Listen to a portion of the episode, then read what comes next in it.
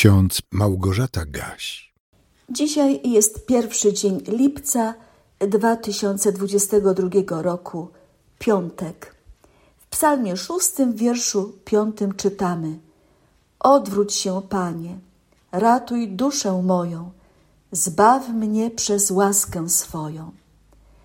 A w Ewangelii Mateusza w dziewiątym rozdziale, wierszu dwudziestym drugim czytamy Jezus odwrócił się i patrząc na nią powiedział Bądź dobrej myśli, córko, Twoja wiara Cię uzdrowiła. I od tej chwili kobieta była zdrowa. Nam też zdarza się tak powiedzieć do kogoś: bądź dobrej myśli. Zazwyczaj mówimy tak na zakończenie dłuższej rozmowy, gdy ktoś zwierzył nam się ze swoich trosk, problemów, czasami bardzo trudnych do rozwiązania. Mówimy tak, gdy chcemy kogoś uspokoić, rozbudzić w nim na nowo nadzieję na lepszą przyszłość, na przykład na wyleczenie z ciężkiej choroby, czy uporanie się z trudną sytuacją materialną, albo poprawienie relacji w rodzinie. Czy pamiętacie, kiedy ostatni raz tak do kogoś powiedzieliście? Bądź dobrej myśli, nie załamuj się, nie trać nadziei. Pamiętacie? To dobrze, bo to oznacza, że ta osoba była dla Was ważna. Próbowaliście potraktować ją z empatią i życzliwością. Tak oczywiście trzeba. To jest naszym obowiązkiem. Tak zachowują się ludzie wrażliwi na czyjąś krzywdę, ból, rozpacz czy niesprawiedliwe potraktowanie. Pozwólcie, że zapytam Was i siebie. Czy jako ludzie wierzący zawsze pamiętamy o tym, żeby we właściwy sposób uzasadnić tę naszą dobrą radę? Bądź dobrej myśli? Czy po tym krótkim zdaniu wyjaśniamy swemu rozmówcy, co może zrobić, by uzyskać pewność, że jego los się poprawi? Chrześcijanin, chrześcijanka powinni dzielić się z innymi tym, co dla nich najważniejsze, czyli opowiadać innym o Jezusie, który jest dawcą prawdziwego pokoju, który jest naszym dobrym pasterzem, przewodnikiem, nauczycielem, a co najważniejsze, jest zawsze blisko nas, nigdy nas nie opuszcza i może w każdej chwili dokonać cudu, również w moim i Twoim życiu, w moim i Twoim sercu. Dzisiejszy werset z Ewangelii Mateusza z dziewiątego rozdziału mówi o kobiecie, która od dwunastu lat cierpiała na krwotok. Bardzo cierpiała. I kiedy Jezus pojawił się w jej mieście, postanowiła wykorzystać okazję. Wiedziała, że nie ma szansy na to, żeby wspaniały lekarz zajął się tylko nią, bo otaczał go zawsze tłum ludzi.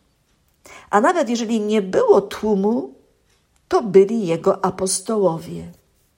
Dwunastu mężczyzn, którzy czasami chronili swego mistrza przed ludźmi, którzy stale czegoś potrzebowali. A to chleba, a to uzdrowienia.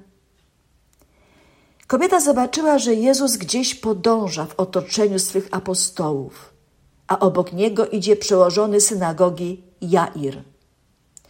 Może nawet wiedziała, że córeczka Jaira niedawno zmarła, a teraz nauczyciel z Nazaretu idzie do domu żałoby.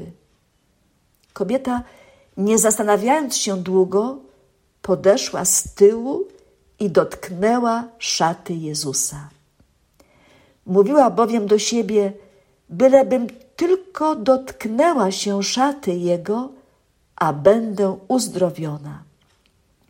Gdy go dotknęła, on się odwrócił, spojrzał na nią i powiedział: Bądź dobrej myśli, córko Twoja wiara cię uzdrowiła.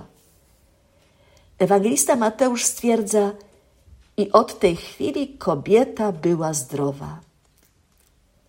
Kochani, czy zawsze mówimy innym, gdzie szukać pomocy i jak szukać, by jeszcze bardziej się nie pogrążyć? We współczesnym świecie mnoży się liczba doradców od wszystkiego, psychoterapeutów, świeckich duszpasterzy. Jest niezliczona ilość książek, poradników, w których możemy znaleźć receptę na wszelkie dolegliwości natury duchowej czy psychicznej. I ludzie kupują te książki, czytają. Niektóre wskazówki biorą poważnie, inne mniej. Ludzie zapisują się na terapię do dobrych specjalistów albo mniej dobrych. I co się dzieje dalej? Dzieje się różnie, ale bardzo często ludzie uzależniają się od swego terapeuty i co jakiś czas muszą do niego wrócić lub poszukać sobie innego, lepszego. Proszę mnie źle nie zrozumieć nie krytykują tych, którzy szukają pomocy u psychoterapeutów czy psychologów. Zastanawiam się tylko, dlaczego dziś tak wielu ludzi, którzy deklarują swoją przynależność do Kościoła powszechnego, czyli Kościoła Chrystusowego, nie korzysta przede wszystkim z poradnika nad poradnikami, z Biblii. Ja wiem, że w niektórych przypadkach to absolutnie nie wystarcza, bo potrzebna jest pomoc psychiatry i zażywanie leków. Ale tak się ostatnio składa, że miałam kilka rozmów z ludźmi zagubionymi w tym świecie i zagubionymi w swoich problemach, którzy chętnie korzystają z pomocy różnych świeckich terapeutów i lekarzy zapominając zwrócić się także z gorącą prośbą do Boga. Zapominają o modlitwie, a są ludźmi wierzącymi. Tak o sobie mówią. Dzisiaj możemy wszyscy, tak jak psalmista w psalmie szóstym, wołać: Odwróć się, Panie, ratuj duszę moją zbaw mnie przez łaskę swoją. Pozwólcie, że na koniec pomodlę się słowami z naszego kalendarzyka z Biblią na co dzień. Na dziś jest piękna modlitwa Sabiny Negeli.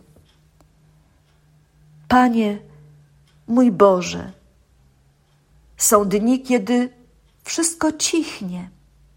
Radość, nadzieja, wiara, odwaga.